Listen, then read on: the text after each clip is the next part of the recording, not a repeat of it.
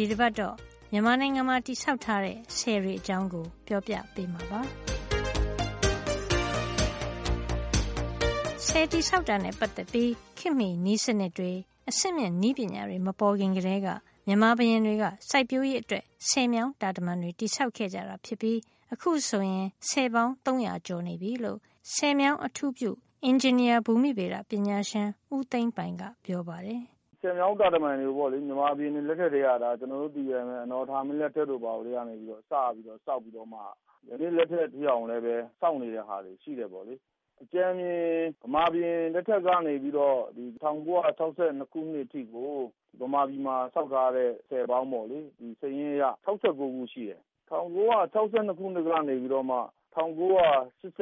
၈၉ ပေါ့ အာဏာအစိုးရမတက်ခင်အထိအဲဒီမှာဆောက်ခဲ့တဲ့ဆည်အရေအတွက်ကလည်း၆၉ခုရှိတယ်။၁၉၈၈-၈၉နောက်ပိုင်းကနေပြီးတော့၂၀၀၉-၂၀၁၀လောက်အထိနှစ်ပေါင်း၂၀လောက်အတွင်းမှာဆောက်ခဲ့တဲ့ဆည်ကျတော့၂၁၇ခုရှိတယ်စာရင်းအရပေါ့လေ။၂၀၁၀နောက်ပိုင်းဆောက်တဲ့ဆည်ရှိရင်တော့ဒီထက်ပိုများသွားမှာ။မြန်မာနိုင်ငံမှာတည်ဆောက်ခဲ့တဲ့ဆည်တွေတကယ်အကျိုးရှိမရှိပြန်ပြီးသုံးသပ်ဖို့လိုနေတယ်လို့လည်းထောက်ပြပါတယ်၁၉၆၂ခုနှစ်ကနေ၈၈အထိ ဆောက်တဲ့ဆည်က ၆၉-၇၀ လောက်ပဲရှိတယ်။ဒီနောက်ပိုင်းမှာ ဆောက်တာ၂၀၀ ကျော်တောင်ရှိတယ်ဆိုတော့ ၃ ဆလောက်တောင်များလာတယ်လို့ ပြောလို့ရတယ် ဒီဆည်တွေကို ဆောက်တာ။ အဲဒါဆိုရင် စဉ်းစားရမယ့်အချက်က ဒီလောက် နှစ်ပေါင်း ၂၀ အတွင်းမှာ အရင်ကထက် ၃ ဆကျော်လောက် ဆည်အကြီးအသေးအလတ် ၂၀၀ ကျော်လောက် ဆောက်ခဲ့တာ တကယ်ရော လိုအပ်လို့လား။တိုင်းပြည်အတွက် တကယ်ရော အသုံးကျခဲ့ရဲ့လား။အဲဒီအတွက် ကုန်ကျခဲ့တဲ့ ငွေတွေကရော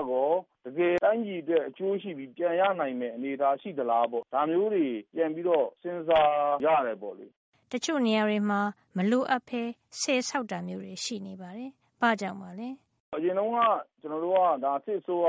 လက်ထက်မှာ စစ်ဆိုးကလက်အောက်မှာ ဗမာပြည်က ရှိခဲ့တဲ့အခါကျတော့ဟာသူတို့ရဲ့ policy တွေ သူတို့ရဲ့ ချမှတ်ထားတဲ့အတိုင်း အရင်တုန်းကဆိုလို့ရှိရင်တစ်လောက်10 10ပြီးအောင်ခွင့်ပွဲလုပ်ရမယ်လို့ဗာမျိုးလို့ပေါ့လေ အဲဒီအခါကျတော့ အမိန့်နဲ့ အာဏာနဲ့ ဆောက်ခိုင်းတဲ့ဟာတွေ ဖြစ်နေခဲ့တဲ့အတွက်ကြောင့်မို့လို့ တချို့ဟာတွေက မလိုအပ်ဘဲနဲ့ ဆောက်သလိုဟာမျိုးတွေ ရှိနေတယ်။ဒီအထဲမှာ မသမာမှုတွေလည်း အနည်းအများ ပါနိုင်တယ်။လာဘ်ပေးလာဘ်ယူမှုတွေ ရှိနိုင်တဲ့ အကြောင်းကြောင်းတွေပေါ့လေ အထူးသဖြင့် မကွေးတိုင်းမှာဆိုလို့ရှိရင် ပေတရာအောက်နိမ့်တဲ့ ဆည်တွေပေါ့လေ ဆည်အငယ်တွေပေါ့ ပေ ၅၀၊၆၀၊၇၀ အဲလိုအမြင့်ရှိတဲ့ ဆည်တွေမှာဆိုလို့ရှိရင် တချို့နေရာတွေမှာ သတ်မှတ်တဲ့ ရေလှောင်ပမာဏ မရောက်ရှိတာ မဝင်တာ ရေမရှိဘဲနဲ့ ဆည်ကြီးက ဒီလိုမျိုးခန်းခြောက်နေတဲ့ ပုံစံမျိုး အဲဒါမျိုးတွေကဆည်ပေါင်း ၂၀၊၃၀ လောက်တောင်ရှိတယ်။အဲလိုမျိုးတွေ ဖြစ်တဲ့အခါကျတော့ နိုင်ငံတော်ရဲ့ ဘဏ္ဍာငွေတွေသာ ကုန်သွားတယ် ဆည်တွေဟာ အမည်ခံဆည်တွေပဲ ဖြစ်ပြီးတော့ လက်တွေ့ဘဝမှာ တကယ်အသုံးဝင်တဲ့ စိုက်ပျိုးမြေအတွက်သော်လည်းကောင်း ကျေးရွာ သောက်သုံးရေအတွက်သော်လည်းကောင်း အခြားသောအကြောင်းအတွက်သော်လည်းကောင်း အသုံးမတည့်ဘဲနဲ့ ငွေကုန်ပြီးတော့ တိုင်းပြည်အတွက် အကျိုးမရှိတာပဲ အဖတ်တင်တယ်။ဆည်တည်ဆောက်လိုက်တဲ့အတွက် သဘာဝဝန်းကျင် ထိခိုက်မှုတွေရှိသလို ဘယ်လိုကောင်းကျိုးတွေရှိတယ်ဆိုတာကိုကြည့်ရအောင်ပါဆောက်ထားတဲ့ဆည်တိုင်းကိုအသုံးမတည့်ဘူးလို့ပြောတာတော့မဟုတ်ဘူး။အသုံးတည့်တဲ့ဆည်တွေလည်းအများကြီးရှိတယ်။ဒီလိုမျိုးဆည်မြောင်းတာတမံတွေဆောက်လိုက်တဲ့အတွက်ကြောင့်မို့လို့စိုက်ပျိုးမြေဧကတွေအထူးသဖြင့်အထက်အညာဒေသမှာပေါ့လေစိုက်ပျိုးမြေဧကတွေအများကြီးတိုးတက်လာတယ်။အဲဒီအတွက်စိုက်ပျိုးရေးလုပ်ငန်းလည်းအထိုက်အလျောက်တိုးတက်တာတွေရှိတယ်။နောက်အရင်တုန်းကဆိုလို့ရှိရင်အညာဒေသကပူပြင်းခြောက်သွေ့တဲ့ဒေသ။ဆည်တွေဆောက်လိုက်တဲ့အတွက်အနည်းနဲ့အများစိမ်းလန်းစိုပြေလာတာတွေရှိတယ် ဆည်ဆောက်လိုက်တဲ့အခါကျတော့ရေပြင်ကြီးဖြစ်သွားတဲ့အခါ တချို့နေရာတွေမှာ ဆည်ထဲမှာ ငါးတွေထည့်ပြီးတော့ ဝေးလိုက်တဲ့အတွက်ကြောင့်မို့လို့ အရင်တုန်းက အညာတို့ ဘာတို့ဆိုလို့ရှိရင်ငါးတွေ ဘာတွေလည်း ရှားပါးတဲ့သဘောရှိတယ်။ကျနော်တို့ ငယ်တုန်းကဆိုလို့ရှိရင်။နောက်ပိုင်းမှာ မွေးမြူရေးတွေ ဘာတွေ ဆည်ထဲမှာပါ ထည့်လုပ်တဲ့အခါကျတော့ သားငါးဘာညာတွေလည်း ပိုပြီးတော့မှ ပေါများလာတဲ့သဘောရှိတယ် ရာသီဥတုက အရင်တုန်းက ပူပြင်းခြောက်သွေ့တဲ့ ရာသီဥတုကနေပြီးတော့ ဒီ ဆည်ရေမျက်နှာပြင်ကြီးကနေပြီးတော့ ရေငွေ့ပျံတာတွေကြောင့် ပတ်ဝန်းကျင်ကလည်း စိုထိုင်းဆတွေ မြင့်တက်လာတယ်ပေါ့လေ။ကောင်းတဲ့အချက်တွေလည်းပဲ အများကြီးရှိပါတယ် ဆည်ဆောက်တိုင်း မကောင်းတာမဟုတ်ဘူး။ဆည်တွေဆောက်တိုင်းလည်း လုံးဝအကောင်းကြီးဖြစ်သွားတာမဟုတ်ဘူး။အကောင်းနဲ့ အဆိုးနဲ့ကတော့ တည်ဆောက်တဲ့နေရာ ဆည်ရဲ့ပမာဏ ပြန်ပြီးရရှိနိုင်တဲ့အကျိုးအမြတ် အဲဒီအပေါ်မူတည်ပြီးတော့မှပဲ သုံးသပ်ရမှာပါပဲ။ဆောက်ပြီးသားဆည်တွေထဲမှာ ဆည်တက္ကသိုလ်လို့ခေါ်လို့ရတဲ့ ဆည်တော်ကြီးနဲ့ ကင်းဒါးဆည်တွေက တကယ်အကျိုးပြုတဲ့ ဆည်တွေပါ ဆည်တော်ကြီးဆည်ကတော့ မန္တလေးတိုင်း မတ္တရာမြို့နယ်ထဲမှာ ရှိတာပေါ့လေ။အတတ်ပညာအရ ပြောမယ်ဆိုရင် အရင်တုန်းက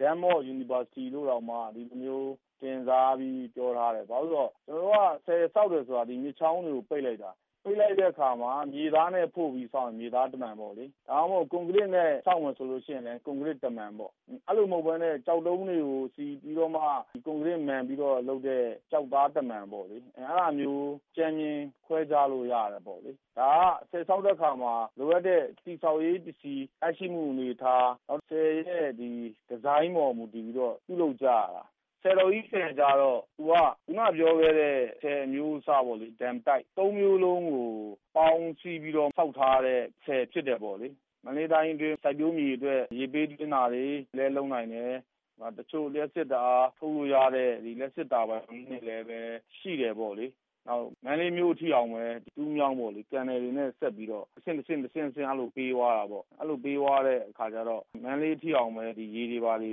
ကြောင်းလုပ်ပေးနိုင်တာတွေပါလည်း ရှိပါတယ်ဆယ်တော်ကြီးကတော့ ကောင်းတယ်လို့ ပြောရမှာပါပဲစောက်ခဲ့တဲ့နှစ်ကလည်း ကြာသွားပြီလေ သုံးခဲ့တဲ့နှစ်ကလည်း အများကြီးကြာသွားပြီ ကင်းသားတော့ဒီလက်စစ်ဒါထုတ်ဖို့အတွက်ရင်တော့ကတော့ အများကြီးအကျိုးဖြစ်ခဲ့တယ် နောက်ပြီးတော့ ကင်းသားဆယ်ရဲ့ အမြင့်ပေါ့လေ height ကဆယ်တော်ကြီးရဲ့အများကြီးမြင့်တယ် ရေအားလျှပ်စစ်နဲ့ တွဲဆောက်ထားတဲ့အတွက်ကြောင့်မို့လို့ဒါရေအားလျှပ်စစ်လည်း ထုတ်နိုင်တယ်ဟိုစိုက်ပျိုးရေးအတွက် ရေတွေပါလည်း ပေးနိုင်တယ် အဲဒီကနေ ရေတွေမြောင်းနေရမှခါဒီလူတွေအသုံးပြုဖို့ပါဖို့ ရတာလည်း ရှိပါတယ်ဗမာပြည်မှာ အကျိုးပြုတဲ့ဆင်ကအဓိက ဒီနှစ်ခုလောက်ပဲ ထုတ်ပြလို့ရလားအညာအလဲပိုင်းမှာပေါ့နော်မကပါဘူး ဘာလို့ဆယ်တွေကဗမာပြည်လုံးဆိုလို့ရှိရင်2010ခုနှစ်တော့ဆယ်ပေါင်း355ခုတောင်စောက်ပြီးသွားပြီလေဆယ်355ခုတွေကအကျိုးပြုတာထက်ဝက်လောက် ရှိသလား ထက်ဝက်တောင်ကျော်နိုင်ပါတယ်ပြောမယ်ဆိုလို့ရှိရင်တော့ထက်ဝက်မကတော့ပါဘူးအင်ဂျင်နီယာဘူမိဗေဒပညာရှင်ဦးသိမ့်ပိုင်ပါနောက်တစ်ပတ်မှာတော့ဒေသခံတွေမလိုလားကြတဲ့ဆဲကျိုးတဲ့အနေအကြောင်းကိုပြောပြပေးပါမယ်ဆိုတာကိုတင်ပြရင်းဒီသတင်းပတ်အတွက်သိပ္ပံနဲ့ဤပညာကဏ္ဍကိုဒီမှာပဲရနာလိုက်ပါရစေနောက်တစ်ပတ်မှာပြန်ပြီးဆုံကြအောင်နော်